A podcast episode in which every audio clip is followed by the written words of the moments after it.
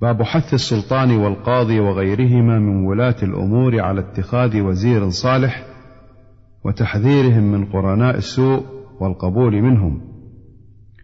قال الله تعالى الأخلاء يومئذ بعضهم لبعض عدو. الزخرف.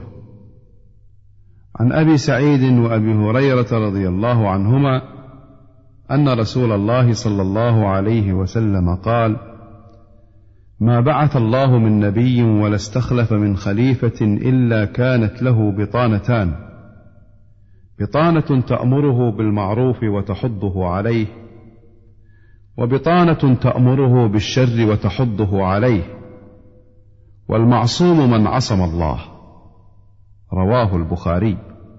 وعن عائشة رضي الله عنها قالت قال رسول الله صلى الله عليه وسلم إذا أراد الله بالأمير خيرا جعل له وزير صدق.